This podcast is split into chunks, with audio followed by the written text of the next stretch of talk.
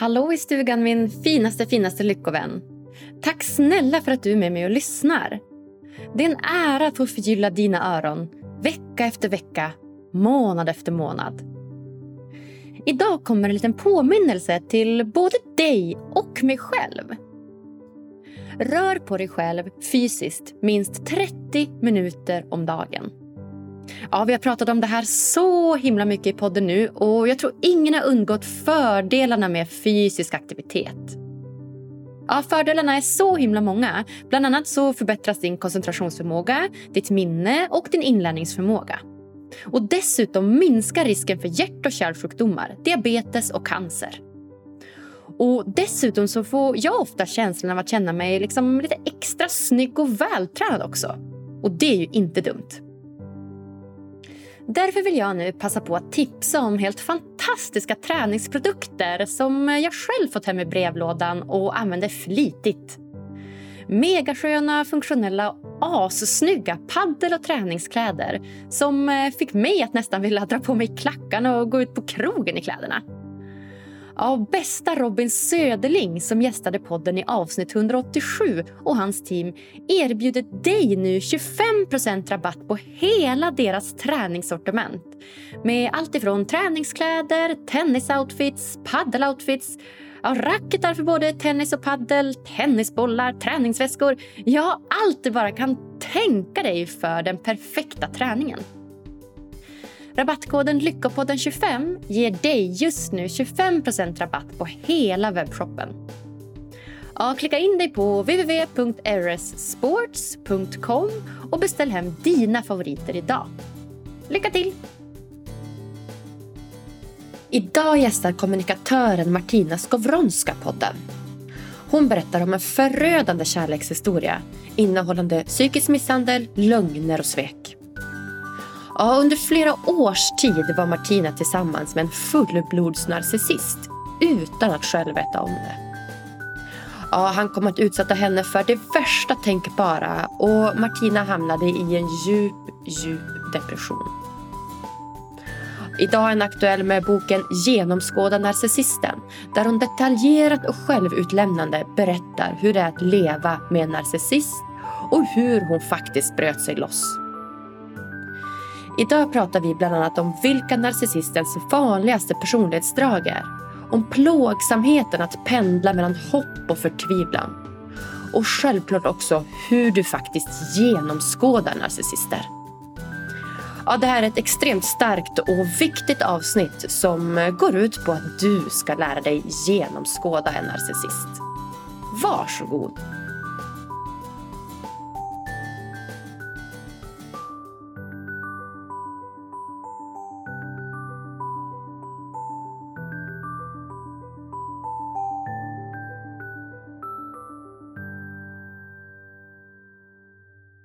Då är det min tur att få säga hjärtligt, hjärtligt välkommen till Lyckopodden Martina Skowronska.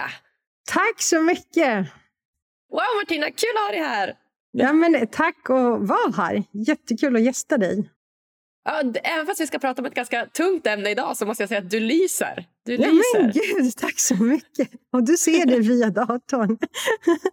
ja, jag gör det. Jag ser ditt stora fina vita leende. Det är helt fantastiskt. Härligt. Du, skowronska, bosniska eller vart kommer det ifrån? Bosnien var det första som plingade till i mitt huvud. Eh, Polen. Polen, nästan. Men det var, det, var, det var en bra gissning ändå. Ja, visst var det. Det mm, kändes mm, som att det skulle kunna vara Bosnien. Ja, gud, Polen det är ett av mina favoritländer. Jag har haft min, min, en av mina bästa resor till Krakow faktiskt. Mm -hmm. Oj, oj, oj, där ser man. Jag är från Warszawa, så att... har du varit där? Nej. I Warszawa har jag inte varit, mm. nej. nej. Men det är väldigt fint i Polen tycker jag. Mm, men jag kan rekommendera Warszawa. Väldigt bra stad om man vill eh, liksom weekendhänga. Eh, kan ja. jag tycka.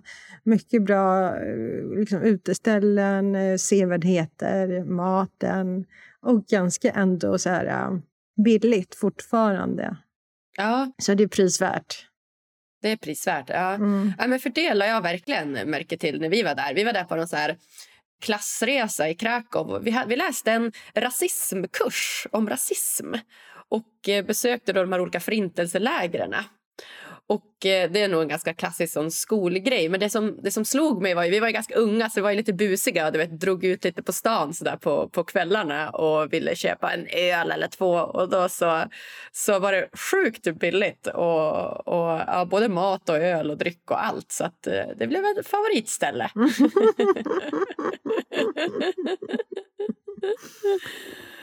Ja, vad kul. Hur mår du då, Martina? Är du taggad för poddinspelning? Jag är supertaggad. Det var ju eh, några vändor fram och tillbaka med, mellan dig och mig. Eh, men nu är vi här, äntligen.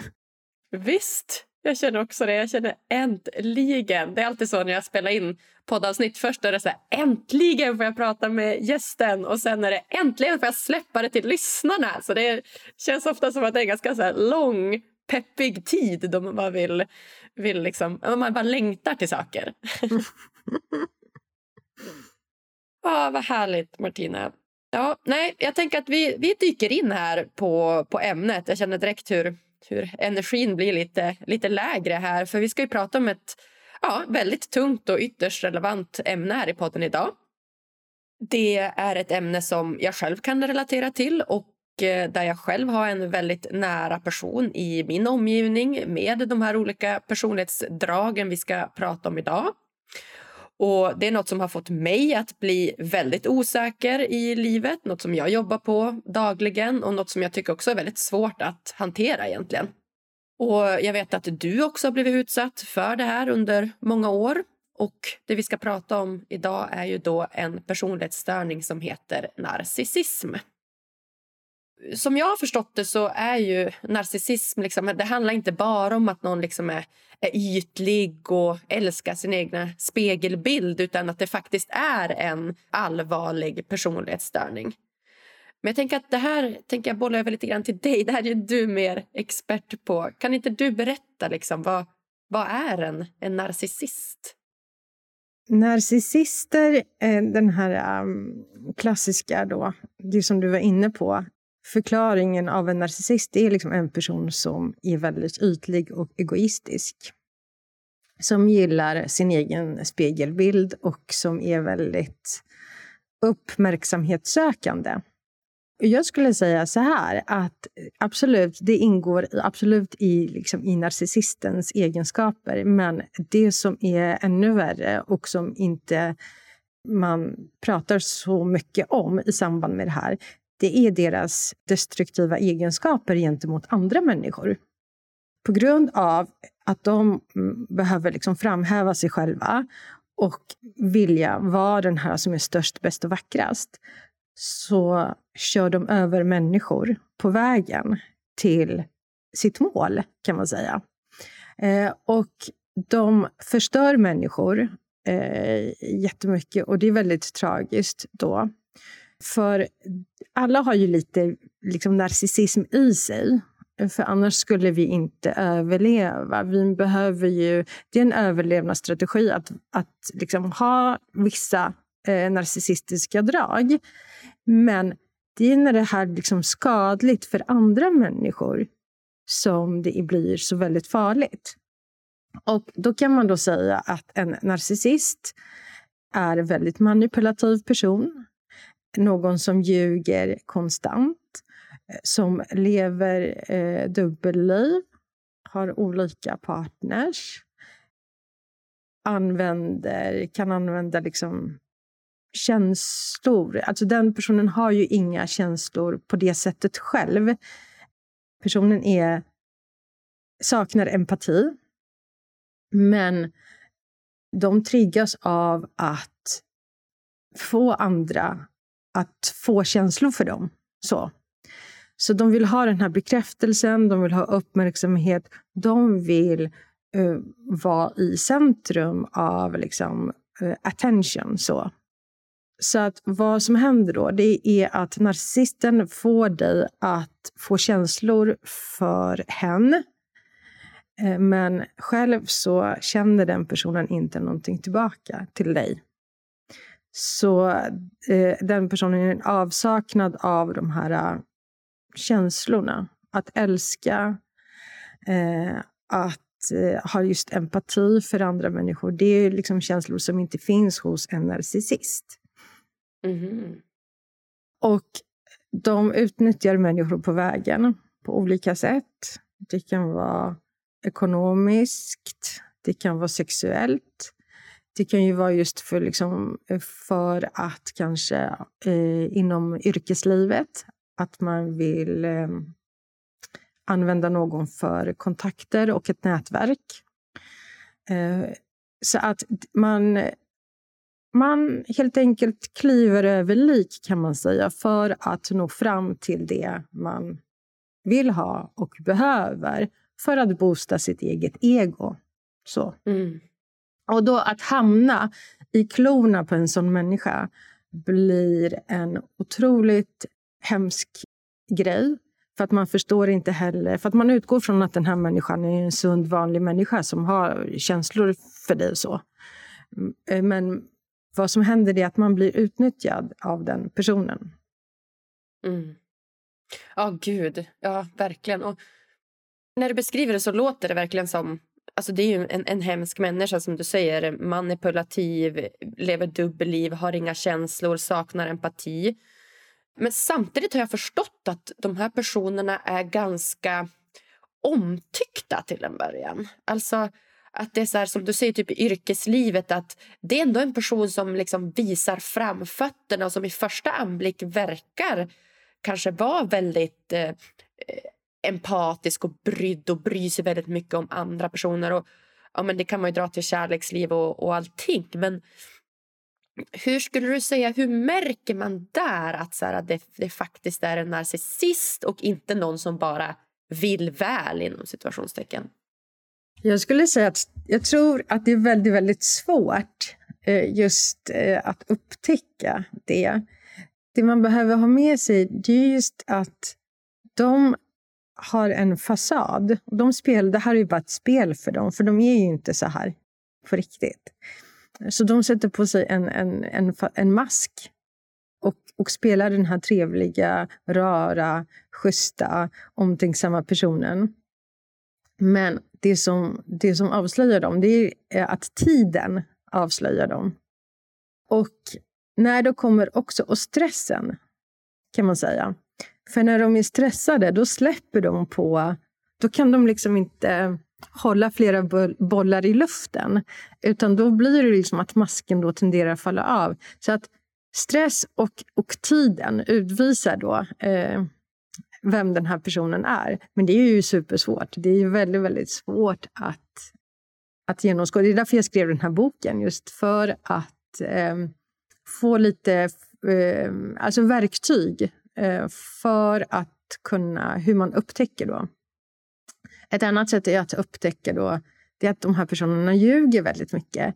Och ett sätt att upptäcka det, det är då när handlingar inte synkar ihop med orden som sägs. Utan där ska man inte tro på orden, utan tro på handlingarna. Jättebra. Och det där är ju någonting som egentligen speglar livet ganska generellt. Det behöver inte vara en, en, en narcissist för det. Men det märker jag att jag blir väldigt otrygg av att ord och handling inte går ihop. Eller att handling och ord inte går ihop. Alltså att det är andra hållet. Att man gör någonting men, men, men säger något annat. Eller att man säger någonting och sen följer man inte upp det med handling. Och det där, alltså det, det är verkligen, för mig är det, jag tror att det kommer från liksom den här personen som jag har haft väldigt nära mig under hela min uppväxt. Att när de inte synkar, då blir jag så otrygg. Alltså verkligen. Och det är väl någonting som, som verkligen speglar en, ett liksom drag hos mig. Så att jag förstår precis vad du menar där. Ja, och det är väldigt otäckt för att de det de gör i början, det är liksom att de lovar, det är massa löften som flyger fram och tillbaka. De lovar liksom guld och gröna skogar. Och det är liksom allt det där sker i orden. Men sen när det väl kommer till handling, då, då finns det ingenting där. Det är liksom noll handling, massvis med ord, men noll handlingar kring det. Så de följer aldrig upp sina löften. Det är hela tiden att löften bryts. Och eh, väl, det blir ju också väldigt, så här, som du säger, otryggt och frustrerande att ha med en sån människa att göra. Och den blir ju opolitlig. Verkligen. Ja, Spännande. Och du, du berättade att du ja, har skrivit den här boken då såklart och eh, att du har tagit upp eh, vissa såna verktyg som kan eh, genomskåda en narcissist på. Berätta, har du några fler såna verktyg? Ja, det som också är vanligt, apropå det här liksom med, med, med massa ord som inte följs upp i handling, det är att de lovar en framtid. Så här kommer det bli sen, när det har lugnat ner sig på jobbet. Sen när, när, det blir liksom, eh, när jag, när jag liksom får det här nya jobbet så kommer det bli bättre. Så att de lovar massvis med saker om just framtiden.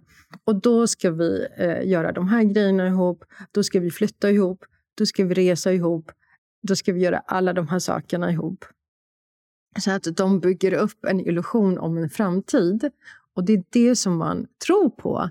Eh, men det är bara yt ytterligare liksom skit. Alltså det är bara en massa skitsnack igen. Eh, så att liksom framtids, den här liksom framtidsplanerna ska man också se upp med. Att de inte tänker så mycket på här och nu utan pratar väldigt mycket om, om framåt, om det som kommer hända framåt. Mm. Ja men gud vad bra, det är verkligen ett sånt, ett sånt tips också. För någonstans är ju hoppet är ju det sista som överger en människa. Mm. Det är ju en klyscha men det är också väldigt sant. Mm. Att man hoppas på att någon ska förändras, att man hoppas på att det ska bli bättre. Och så man dessutom kanske har känslor för den här personen, då är det att man har ännu större mm. liksom, hopp och tillit. Så att, ja, jättebra tips. Mm. Eh, en annan grej som de gör det är att de projicerar sina mm, fel och brister på någon annan. Så att de försöker intala dig att... Som i mitt fall kan jag då säga att eh, den här då Adam som, som var min narcissist, som jag var ihop med. Han eh, då försökte intala mig att jag hela tiden eh, låg runt och hade massa killar eh, på sidan om och träffade andra män. Vilket jag absolut inte gjorde, för att jag var ju kär i honom och jag ville ju vara med honom. Jag älskade ju honom. Så alltså, allt det här med andra killar, det fanns inte i min värld. Men han försökte då intala mig att det är så. Alltså när jag och han inte träffades, då träffade jag andra män. Och det här är också en vanlig grej, för att han sa så där för att det var ju så han själv gjorde. Så han berättade i, i princip för mig så här, så här, det är vad han gör. Det är det som han gör när han inte träffar mig. Så att han berättade i stort sett om sig själv, men då projicerar den här bilden eh, att det är jag som gjorde det. Så att det är också väldigt vanligt förekommande att det är så de gör. Och att de gaslightar. Eh, gaslighting eh, är ett begrepp som kommer från en film med, med samma namn som eh, gjordes på 1940-talet, tror jag. En, en väldigt gammal film. Där, den här, liksom, där det här begreppet kommer ifrån. Och då handlar den här filmen om att den är väldigt sevärd för, eh, dessutom. Den, den kan jag faktiskt tipsa om. Även fast det är en så gammal svartvit film så är den ändå eh, bra faktiskt. Ändå, om man kollar på den nu. Men då handlar det om att det är en man som träffar en kvinna och hon är rik. Och han eh, försöker lura henne på pengar på hennes förmögenhet. Så vad han gör är att han börjar då gaslighta henne. Det vill säga att han vill få henne att tro att hon har tappat förståndet. Genom då att släcka ljuset. Och ljuset på den tiden då var ju så gaslågor. Det var ju det här som det här liksom titeln kommer ifrån, gaslight. Att det är en gaslåga. Så han liksom eh, drog upp den och sen så sänkte han den. Och så sa han, och när hon började så här ifrågasätta, men ljuset har liksom släckts nu. Ja, men då sa han så här, men det är du som har liksom släckt ljuset. Och hon bara, nej men det är inte det. Men det var ju han som eh, gjorde det i smyg och sen intalade henne att det var hon som höll på att liksom mixtra med, med, med liksom den här gaslågan. Men ja, det här var en lång utläggning om filmen. Men vad, vad det här bygger på det är liksom att att narcissisten försöker intala dig att någonting, alltså förfalska verkligheten, att någonting är på ett visst sätt. När det är han själv som, som, som skapar den här äh, förvirringen. Mm. Shit. Ja, och verkligen. Och där kan man nästan känna igen att, att jag förstår att till slut så är det som att man litar ju inte på sig själv. Alltså, till slut blir det så att aha, men det kanske är jag som har släckt den där lågan ändå. Fast den inte är det. Läskigt alltså att komma till. Jag har också varit i sådana punkter i mitt liv. Alltså, men gud, det kanske är jag som gör fel här fastän det egentligen inte är... Alltså, jag känner igen den där osäkerheten och att man tviv, börjar tvivla på sig mm, själv. Mm, och Det mm. är ju så läskigt, tycker jag. Det är väldigt läskigt och det är så lätt hänt eh, att... att eh, för att man... Och också så här, om man inte har någon annan att bolla med. Om man bara tror på den personen, då, på narcissisten och tror på hans ord så blir det väldigt lätt så att man, eh, och det är det man tror på, och man slutar tro på sig själv för att man blir intalad. Det, det är, så, det är jätte, jätteläskigt. Och där är faktiskt tipset, att det är tips som jag har, att man ska inte isolera sig, utan man ska prata om det man är med om. Minsta tvivel man har i sin relation, då ska man hitta någon som man kan öppna upp sig för och prata om det här. För då är det en tredje person som faktiskt kan gå in och styra upp lite och säga så här, men den här personen, narcissisten, har fel. Nu säger inte den personen narcissisten, men att, att din partner har fel för att det är inte så här. Eh, så då får man en, liksom, en tredje röst eh, som, man, som man kan lyssna på och som kommer med, liksom, som man kan bolla med. Så det är väldigt värdefullt att, och att då inte isolera sig, för det är det värsta man kan göra. Mm, mm. Ja, men Så himla bra tips. Ja, vi har redan fått massa himla bra tips här. Det är ju toppen, Martina. Jag tänker att vi backar bandet en liten bit här. För jag vet ju att du själv har ju varit med i en kärleksrelation som har varit tillsammans med en narcissist. Och nu har vi varit ganska konkreta här, men jag vet att en narcissist det kan ju också vara lite liksom otydligt. Så är en narcissist, är det inte en narcissist? Det här med att liksom projicera sina fel och brister på andra, det kan man ju faktiskt göra även fast man inte är narcissist. Alltså det kan grundas i någon slags osäkerhet. Så det blir lite lite luddigt. Så jag tänker att vi ska grotta ner oss lite mer liksom hur det faktiskt är rent i verkligheten att vara tillsammans med en narcissist. Kan du inte berätta liksom från början, hur, hur kom du i kontakt med den här personen från första början som du utvecklade en kärleksrelation med? Vi träffades via Tinder. Och han hade ingen beskrivning på sin, i sin profil, utan han hade bara bilder. Och jag föll för hans utseende, för jag tyckte han såg väldigt bra ut. Vilket de ofta tenderar också att göra. Är de kanske inte bildsköna så är de skärmiga, eller både och. Så att det, det är också ett, ett drag som man ska vara uppmärksam på. Men vi träffades då via Tinder. Och vi eh, chattade lite först och sen så gick vi på en dejt. Och sen på den här dejten så bekräftades ju att gud, det här, jag och han, det känns ju jätte, jättebra. Och sen så ville han fortsätta dejten med mig. Så att han föreslog att vi skulle gå ut och äta. Eh, vilket vi gjorde. Så att vi efter den här promenaden som vi gjorde så gick vi ut och åt på en restaurang. Och där blev jag ju liksom överöst av komplimanger från hans sida. Men också på den här första dejten, då sa han faktiskt till mig så att han, han bor i Stockholm då och jag bor i Stockholm. Men att han reste väldigt mycket inom Sverige i sitt jobb.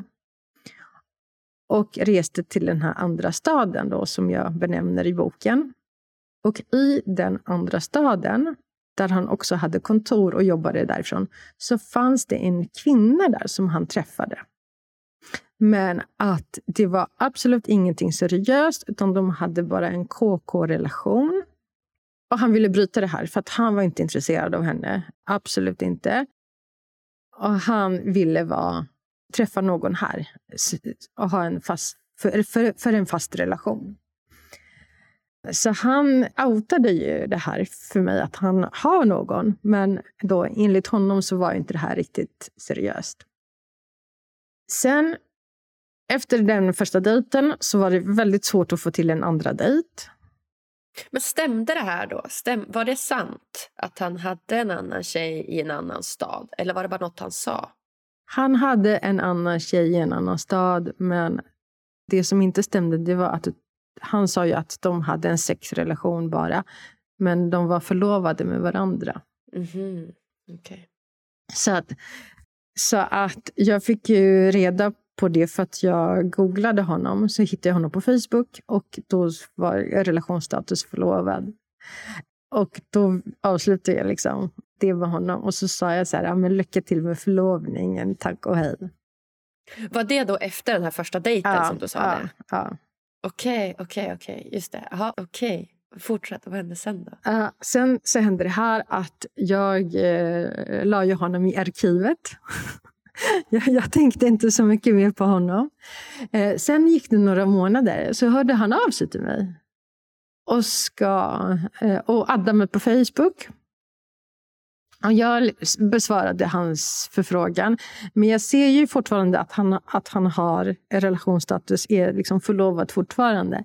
Sen efter några dagar så har han ändrat relationsstatus. Då är han inte förlovad längre. Och sen så hör han av sig till mig och säger så här, men nu är det slut med den här äh, kvinnan och jag och vill träffa dig och bara dig. Så då inledde vi vår relation, så vi träffades igen. Och jag var ju väldigt också skeptisk, ska jag tillägga. För han hade ändå ljugit för mig. Så att jag konfronterade honom och eh, ville försöka liksom få honom förklara varför han hade gjort det. Eh, men den förklaringen jag fick det var att han... Eh, att, att relationen var på väg att ta slut. Så att de, de var på liksom utfasningsfasen kan man säga, med varandra. Men att det inte var helt avslutat, men att det var liksom på väg att ta slut. Och Det var därför han ljög för mig, för att han inte kunde berätta sanningen. För hade han gjort det, då ville han inte riskera att förlora mig.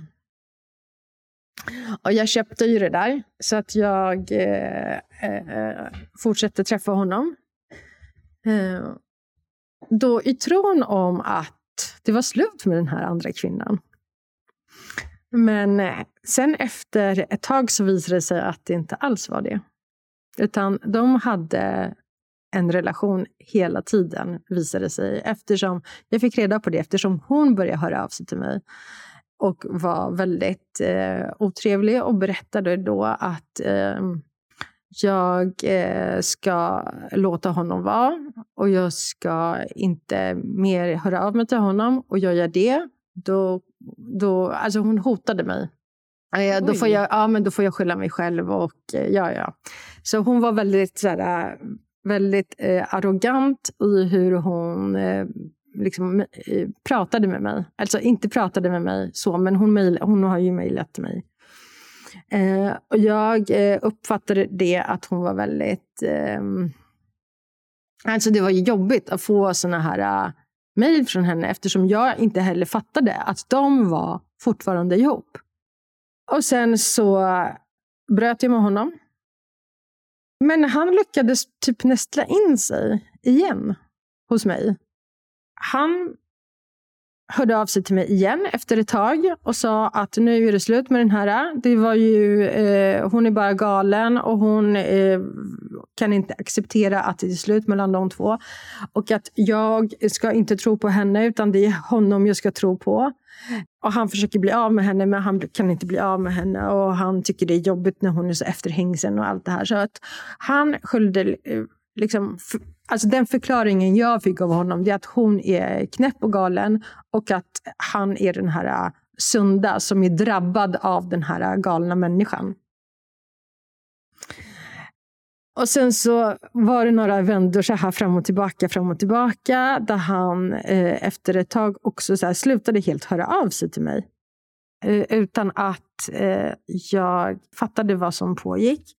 Och han försvann och sen och då inte ge en förklaring till vad han tar vägen, när han kommer tillbaka, utan det blir helt tyst. Och det är så himla vidrigt beteende. Och jag har också förstått, eftersom jag har pratat med andra människor om det här, att det är ganska också vanligt förekommande. Att de använder den här silent treatment och ghostar och bara försvinner utan att informera dig om vad det är de sysslar med. Och då började den här äh, förvirringen kicka in hos mig. Och jag fattade inte alls vad det här var för någonting. Jag tyckte det var bara jätte, jättejobbigt. Och det var liksom några så här vändor fram och tillbaka med honom. Där han kom och gick som han ville. Allting skulle ske på hans villkor. Vi skulle ses eh, när han ville och när han hade lust. Han tog ingen hänsyn till mig överhuvudtaget. Sen kan man säga då att den här relationen varade på det här sättet i sammanlagt tre och ett halvt år. Men sista sju, åtta månaderna av relationen, det var då det blev väldigt mycket på. Där vi hade en, en, liksom en, en regelbunden eh, relation kan man säga. Och där jag också märkte att någonting inte stod rätt till med honom. Eh, just för att han eh, slingrade sig massor när jag ställde frågor till honom. Han ville inte svara rakt. Jag fick liksom inga svar på mina frågor. Men han betedde sig bara allmänt märkligt. Och jag ska tillägga att den här kvinnan, hon fanns med hela tiden. Men jag fattade ju inte att det var så illa först faktiskt efteråt när jag liksom pusslade ihop allting. För han reste fram och tillbaka till den här andra staden hela tiden. Eftersom det var ju där han jobbade också. Men till mig sa han då att han inte träffade henne. Men så var ju inte fallet, utan han träffade ju henne hela tiden när han var där. Så ja, en så genomvidrig människa. Så. Usch, jag får bara ont i hjärtat av att höra allt det du, det du berättar. Alltså dels det här men att han säger att det är slut och så är det inte slut och säger att, att det ska ändras och så ändras det inte och att hon börjar skriva till dig. Att man märker verkligen att det är en, en sjuk människa. Men vad, vad var det som fick dig att liksom slutligen förstå att så här, nej, det här går inte? Visste du då att han var en narcissist? Mm. Eller vad var det som... Nej. Vad var det som fick dig att säga nej, stopp? Alltså det hände ju flera saker kan man säga, eh, flera olika situationer. Dels så började jag må väldigt, väldigt dåligt. Jag märkte då att jag inte var glad och jag kände mig inte lycklig längre. Utan jag var mest hela tiden grubblade över liksom det här och bara var väldigt nedstämd hela, hela tiden. Just för att jag kände att han inte tog mig på allvar. Och att jag bad ju honom att avsluta saker med henne. Jo, för att hon hade ju sina grejer kvar hos honom i hans lägenhet. Och de stod ju bara liksom helt rakt upp och ner i hans lägenhet. Så han hade liksom inte ens bemödat sig att ta, plocka bort de här sakerna. Då sa jag till honom, men jag vill inte liksom att hon jag vill inte att du har någon kontakt med honom. Jo, han hade henne på sina sociala medier också. Men inte mig. Nej. Så att det var så mycket så oklarheter och så mycket fuffens kring det här. Så sa jag till henne, så här, eller till honom, att du måste ta bort henne. Du måste göra ett du måste få henne, för att jag hela tiden tror ju på hans version. Att hon är galen, hon är efterhängsen. Och han säger att han kan inte göra. Han måste på något sätt så här, fasa ut henne på ett bra sätt. Eftersom också ett, ett argument som han, som han har gett mig, det är att hennes mamma hade mm, begått självmord.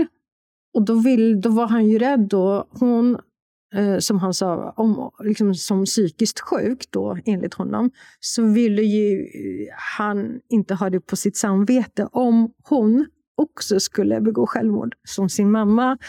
Eh, så att han måste ta det varsamt med henne och ta det liksom, ja, fossa ut henne på ett bra sätt. Så att jag på något sätt köpte allt det här och accepterade. Och jag tänkte så här, okej, okay, han får ta den här tiden han behöver för att göra... För jag liksom litade på honom att han skulle... Att han vill henne väl. Liksom, han vill mig väl och han vill liksom allas väl. Men så var inte fallet, för han ville inte... Han ville bara sitt eget liksom bästa. Det var ju det som han ville. Han ville ha två relationer. Det var det som han gick igång på. Han sa det till mig vid något tillfälle att han går igång på när två kvinnor slåss om honom. Ja, just det. Han har ju skapat den verkligheten. Han har ju skapat, ja. Han har, så att han har ju liksom, det är inte så att han har på något sätt agerat för att det ska ta slut med den här tjejen. Utan tvärtom, han har ju gjort allt för att vi två ska liksom vara kvar med honom. Mm. Och då sa jag till honom, då eh, gav jag honom en deadline att du behöver plocka bort hennes prylar. Du behöver göra de här sakerna. Du behöver liksom vara klar, liksom, alltså förmedla klart det till henne att du och hon, ni behöver liksom göra slut och aldrig mer liksom höra av er till varandra. Du behöver vara tydlig med henne och säga att du har träffat någon annan och att du vill påbörja ett nytt liv och hon behöver acceptera det. Han gjorde inte det. Det slutade då med att jag fick någon slags... För att det är också det som, det som sker. Det kallas för reaktiv misshandel. Det är ett begrepp där man som offer i en sån destruktiv relation drivs känslomässigt till ett stadium av ilska och frustration. För det byggs på, byggs på. Han lovar och lovar och lovar och ingenting av det han liksom lovar händer. Och du tror ju på honom och du tror och du tror, men sen i praktiken så händer det ingenting. Och reaktiv misshandel går ut på att med små, små steg liksom normalisera den här galenskapen som sker. Så att offret till slut får ett utbrott. Där offret kan kasta saker i marken, bli fysiskt våldsam, spotta, skrika, slå på saker, slå på den här förövaren. Alltså, bli, alltså gå till fysisk attack. Och det är exakt det som hände mig. Att eh, vid något tillfälle eh, och det är en scen som jag också beskriver i min bok. Jag fick ett eh, roseriutbrott i hans badrum när jag såg hennes liksom, skönhetsprodukter fortfarande i, i badrumshyllorna. Och då att han inte hade plockat bort dem fortfarande efter, så många, efter den här tiden. Och jag drevs ju liksom att, att bli fysiskt våldsam. Så jag kastade hennes saker i marken och bara skrek och betedde mig fruktansvärt illa nu när jag liksom tänker tillbaka på det. Men det är också så någonting, alltså jag är inte sån som person. Jag har aldrig varit så. Jag är ganska lugn och balanserad av mig. Men han drev mig till det här otroliga stadiet att bli någon som inte jag kände igen. Och då kändes det också så här, jag kan inte, jag känner inte igen mig. Jag känner inte igen mig själv och jag gillar inte den personen jag har blivit. Då kändes det bara så att den här relationen är jättefel. Liksom, Det var liksom en sak som hände då. Att han, att han fick deadline för att avsluta och han gjorde inte det. En annan sak som hände, det var att eh, han eh, lämnade mig ensam på julen när jag bad honom att inte göra det. Jag grät och bönade och bad honom, så här, men lämna mig inte. Han bara, nej men jag måste iväg och fixa min grej. Så han sket totalt i det här. Och då, då kände jag så här, nej, alltså det får, vara, det får vara nog nu. Det får räcka. Och jag mådde fruktansvärt dåligt. Han sänkte mig totalt. Också det här, den här iskylan, du vet, som, som kom. Det, det var ju, dels var det ju väldigt, väldigt kallt och sen så blev det väldigt, väldigt varmt. Så att det pendlade fram och tillbaka hela tiden. Eh, så att jag kände mig bara så förvirrad och bara mådde, mådde väldigt, väldigt dåligt. Sen träffade jag också en kompis till mig och lyfte lite grann av det jag var med om. Inte alls mycket, men berättade vissa historier. Då säger den här kompisen, du, jag tror att Adam håller på att bryta ner dig psykiskt. Och det var så det började. Att jag gick hem och googlade och kollade upp psykisk misshandel. Vad det var. Och sen då i samband med psykisk misshandel så dök det här med narcissister och psykopater upp. Och när jag läste på om narcissister, det var som att jag läste om Adam. Jag kunde liksom bocka av varenda, nästan varenda grej. Eh, då tänkte jag så här, men han är en narcissist. Det här är liksom ingen... Så jag ska inte ha någonting mer med honom att göra. Oh, shit, vilken men vilken det var, story. Men vet du vad, det var väldigt, väldigt svårt. För att jag...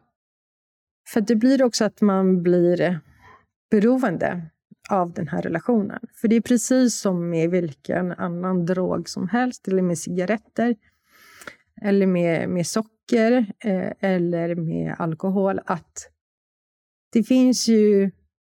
När man använder när man liksom äter godis så mår man bra i stunden. Men sen så får man en, en slags... Man, man får en dipp, liksom sockerdipp. Så då behöver man ha mer av det här för att liksom upprätthålla. Och Det är precis samma sak med just narcissister. Att trots att man blir behandlad på det här fruktansvärda sättet så vill man ha mer av det. Det låter helt galet egentligen. Men då vill man ju tillbaka till de här fina stunderna.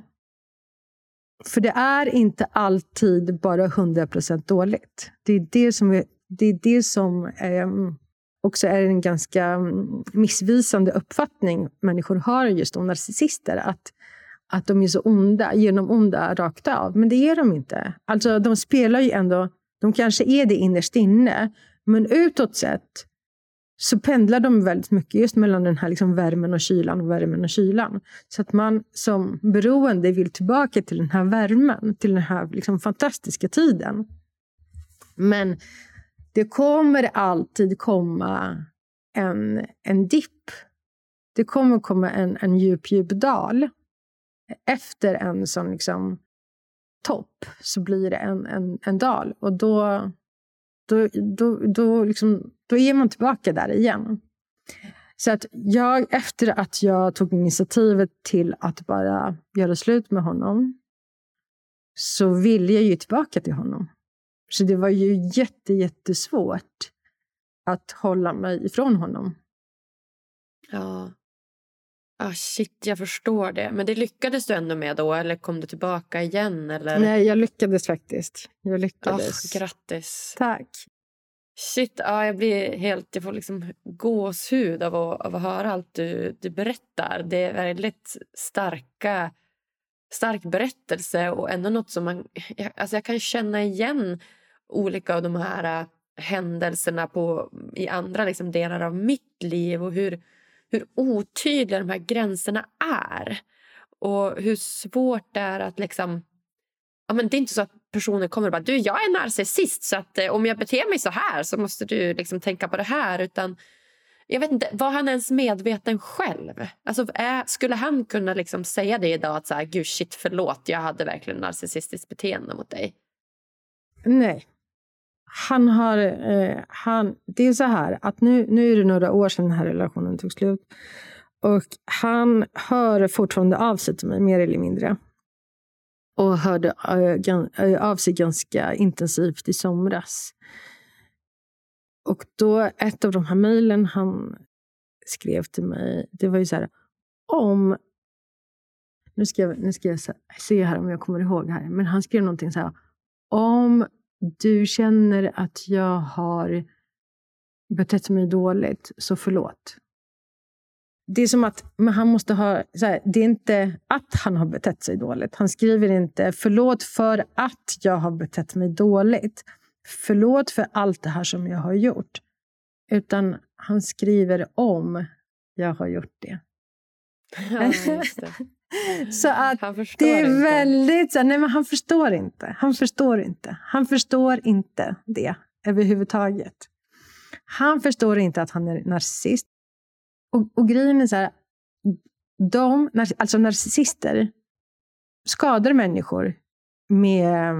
Alltså de har ett syfte med varje människa som kommer in i deras liv. De är väldigt beräknande och väldigt manipulativa. Och de använder människor som spelpjäser. De har liksom de har en spelplan och sen så ska de liksom förflytta de här äh, spelpjäserna på olika sätt, i olika riktningar för att uppnå det de behöver med varenda person.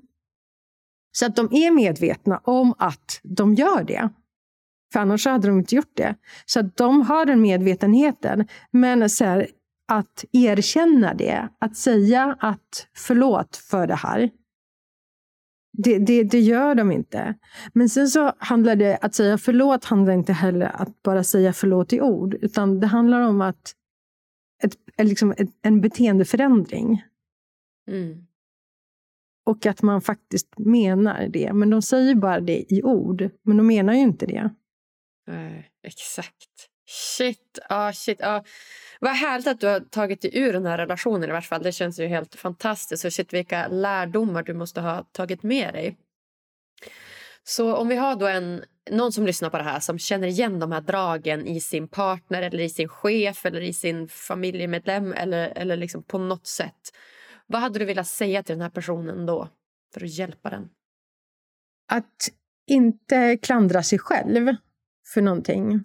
För narcissister är så skickliga på att just eh, förflytta fokus och liksom förflytta problemen så att man då klandrar sig själv. Så att eh, jag skulle säga så här, det är inte du som är eh, som har fel och som, som är den som, som är galen, utan det är pers den personen som vill få dig att, att vara det. Och sen så skulle jag vilja säga att är det möjligt så bryt relationen med narcissisten. Mm. Alltså, ibland är det inte möjligt för att man har ett jobb där man liksom jobbar på samma arbetsplats. Man har kanske gemensamma barn om det är liksom ens liksom partner. Så det går liksom i, i vissa lägen inte bryta med en narcissist helt och hållet. Men där det går att bryta, just för att rädda sig själv. För att man kommer ju bli bara liksom mer och mer... Liksom, det är inte liksom ett värdigt liv man lever med en narcissist. Du kommer bli så, du kommer bli så deprimerad och må så himla dåligt när du har med en narcissist att göra. Så det är, liksom, det är inte värt att, att ägna liksom sin tid och sitt liv åt en sån människa. Men jag måste säga att det är väldigt... Alltså jag har ju pratat med så många människor som har hört av sig till mig och velat få råd av mig. Och det är så många som är drabbade av eh, narcissister på just olika... Alltså både i kärleksrelationer men också på jobbet.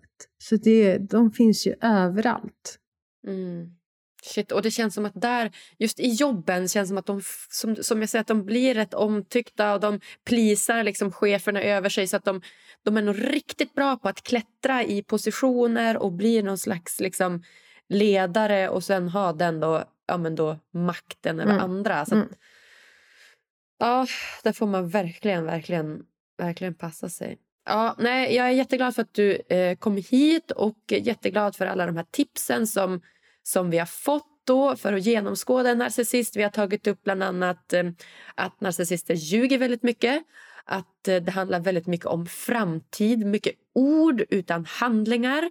Och att de ja, men, har den här värmen och kylan som man då kan liksom, genomskåda. Att de, de har toppar och dalar hela tiden. Har du några liksom, slutliga fler såna tips på att genomskåda en narcissist? Ja, jag skulle säga så här, känns det för bra för att vara sant? Då är det inte sant. Jag brukar säga så här, det ska ju naturligtvis kännas eh, supermysigt och härligt i början på en relation. Men narcissister tar ju det här ja, ett steg längre. Så att de kärleksbombarderar i massor. Så att man blir helt liksom, överrumplad kärleksmässigt. Och det är inte ett sunt beteende. Eh, för att man måste ju ha eh, liksom, som Adam han sa till mig bara på liksom andra eller tredje dejten att han älskar mig. Och det, det, det går ju liksom inte riktigt så snabbt att få känslor för en person. Så att sådana här liksom varningstecken, typ så här, går det för snabbt och känns liksom jätte, jättebra, då, då ska man eh, liksom se upp lite grann. Men det är också svårt just i det läget, för att just via såna här handlingar och ord så liksom dras man ju in i relationen. Mm. Så, och det är deras syfte, såklart. Ja, såklart. Så lite obs på om det går för snabbt innan man verkligen... Ja. Mm. Toppen. Jättebra tips. Är du, är du lycklig idag? Jag är lycklig idag, ja. Alltså jag, jag, jag kan säga så här, jag mår jättebra idag. Men jag har ju vissa men fortfarande eh, kvar efter. Så att det kommer ju, jag tror aldrig någonsin att jag kommer bli den jag var innan, innan honom. Men eh, på det stora hela så, så mår jag ju bra. Mm. Vad skönt att höra. Ja, ja. Så det finns hopp. Men, och jag tänker vilken resa jag ändå har gjort. Jag har ju mått så otroligt dåligt och varit jättedeprimerad. Och i en jätte, på en jättemörk plats på grund av honom. Men eh, om jag jämför liksom hur jag var då och hur jag mår nu, alltså det är så värt att bryta med en narcissist kan jag säga. Woho! Bryt med narcissister! Bryt med narcissister! Jag vill nästan så här, ha ett plakat och bara bryt med narcissister och bara demonstrera mot det här hemska personlighetsdraget. Nej, men, och det ska man också veta, så här, det kommer aldrig bli bättre med en narcissist. Det som händer är att det blir värre och värre. För de tenderar också att bli värre ju äldre de blir. Så att det blir bara, du tror att det kommer bli bättre och du ger, du ger eh, dem chansen att, att förändras. De vill inte förändras. De vill inte, de har inget behov av det. Varför ska de förändras när de har dig på kroken ändå? De behöver inte det. Nej, exakt. Så att en narcissist kommer inte förändras utan snarare förvärras. Mm. Ja, bra att du säger det. Härligt. Jag tänker att vi ska hoppa in på de sista frågorna här innan vi lämnar varandra, du och jag, Martina. Och eh, Den första frågan är ju då, vad gör dig riktigt lycklig? Min lilla valp, Doris. Åh, oh, Doris! Oh, Gud. Har du henne här i närheten? eller? Nej, nu är hon, nej. nej hon är med min mamma nu. För Jag tänkte att ah, hon kanske kommer busa här, så att jag vill ha lite lugn och ro när jag spelar in. men, eh, men hon är fem månader, så hon är väldigt, väldigt busig. Men hon är så härlig och så underbar. Och där kan jag också säga här, att hon har gjort mig väldigt, väldigt lycklig. Så att jag... ja. Ja, vad fint! Doris. Helt underbart. Mm. vilket, eh, vilket är ditt bästa lyckotips om du får ge lyssnarna ett? Oj, jag skulle säga att efter en sån relation så är det väldigt viktigt att lägga fokus på sig själv och på sitt eget bästa. Man ska bli faktiskt lite av en narcissist själv. Bra där! Bra där. Men inte, absolut inte så att man skadar andra människor, men bara att man liksom tar hand om sig själv. Att man sätter sig själv i fokus. Och för att just i, i en relation med en narcissist, då, har, då i, ligger ju fokuset så mycket på narcissisten, på att plisa honom, på att ta hand om honom, på att hela tiden eh, spela efter hans pipa. Så att det blir väldigt mycket att man liksom, ja, anpassar sig väldigt mycket. Men så att Sluta anpassa dig, utan anpassa dig efter dig själv. Så här, gör det som gör dig glad. Och Det kan vara allt från att äta den här glassen på, liksom, på en eh, tisdag till att träffa kompisarna, till att ta den här promenaden. Alltså det kan ju vara liksom, det som man, man ska göra det man gillar helt enkelt. Mm. Gud vad fint, jättebra. Ja, det är det som är så läskigt också, det här som du säger att narcissist är ju absolut inte bra men att du vet, det finns ju alltid grader av allting. Att så här, som du säger, att anpassa inte för mycket, bli lite mer narcissist själv. Så det bottnar nog väldigt mycket i att som du säger, lyssna på dig själv. Mm. Tappa inte bort mm. dig själv. Mm. Utan som du säger, börja med de här små sakerna. Ät en glass för att du vill. Köp en fin tröja för att du vill. Umgås med din andra kompis. Som, alltså, någonting som du själv känner att du vill. Och Det tror jag är nyckeln till, till lycka. Ja, och man behöver ju liksom bygga upp den här självrespekten. För att den är ju helt totalt liksom körd i botten efter en sån relation. Så man behöver liksom bygga upp sig själv. Verkligen. Verkligen. Vem hade du velat se gästa Lyckopodden? Vänta, låt mig tänka här. Um... Alexander Pärleros. Bra! Bra! Han har jag faktiskt haft kontakt med. Så eh, han är på G. Jag vill också ha med honom. Han verkar helt fantastisk. Jag tycker om honom så mycket och jag har inte ens träffat honom. Alltså han har så bra han har så bra tips, alltså han har så bra råd och han... Jag tänker så här, han har liksom också lärt sig så mycket på vägen genom att podda med andra människor. Och han sitter på otrolig kunskap om livet i stort. Eh, så jag tror att han är en eh, alltså bra kunskapskälla på alla mm. möjliga plan. Verkligen, det tror jag med. Superbra. Ja, nej, är det något så slutligen som du känner att du vill dela med dig av till lyssnarna här innan vi lämnar varandra? Att eh, människor ska ta hand om sig själva. Mm. Och lyssna på sin egen intuition. Bra. Intuition. Jättebra. Intuition lyssna på sig själva. Och Det är så spännande för jag ska faktiskt spela in ett avsnitt här eh, i eftermiddag om just att lyssna på sin inre röst. Vilket jag kallar då intuition eller eh, ja, vad det nu är. Så jag, jag, tar verkligen med mig allt du har sagt här. Och det, jag är så, så otroligt glad för att du vill gästa mig Martina. Verkligen. Och jag hoppas att lyssnarna ska ja, få med sig lika mycket vettig kunskap som jag. Ja, men tack själv för att jag fick komma hit. Eh, super, super trevligt att prata med dig. Och eh, hoppas vi hörs och ses snart igen. Det hoppas jag med. Jag säger bara tack, tack, tack snälla Martina för att du kommer gästa mig här på Lyckopodden.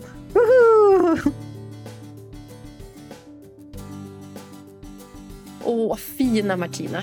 Förstå vilken stark och klok kvinna hon redan är och kommer att bli av en sån här lärdom.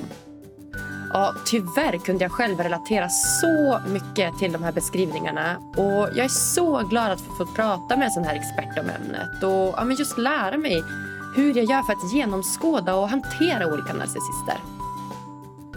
Är du också i en relation där du funderar på om den är sund eller inte? Ja, kontakta Martina är ni snälla. Hon hjälper dig att reda ut vad som är vad. Uppskattade ni också det här avsnittet? Ja, då hade jag blivit mega glad om ni ville gå in på Podcaster-appen i din iPhone eller Android-telefon och ge oss så många stjärnor som du tycker det här avsnittet förtjänar. Lämna jättegärna lite kommentar om ni vill det också. Och om ni inte får nog med lyckotips och inspiration, ja, då tycker jag ni ska gå in på Lyckopoddens Instagram och hålla utkik efter mer matnyttig info där. Vi hörs på tisdag igen. Puss och kram!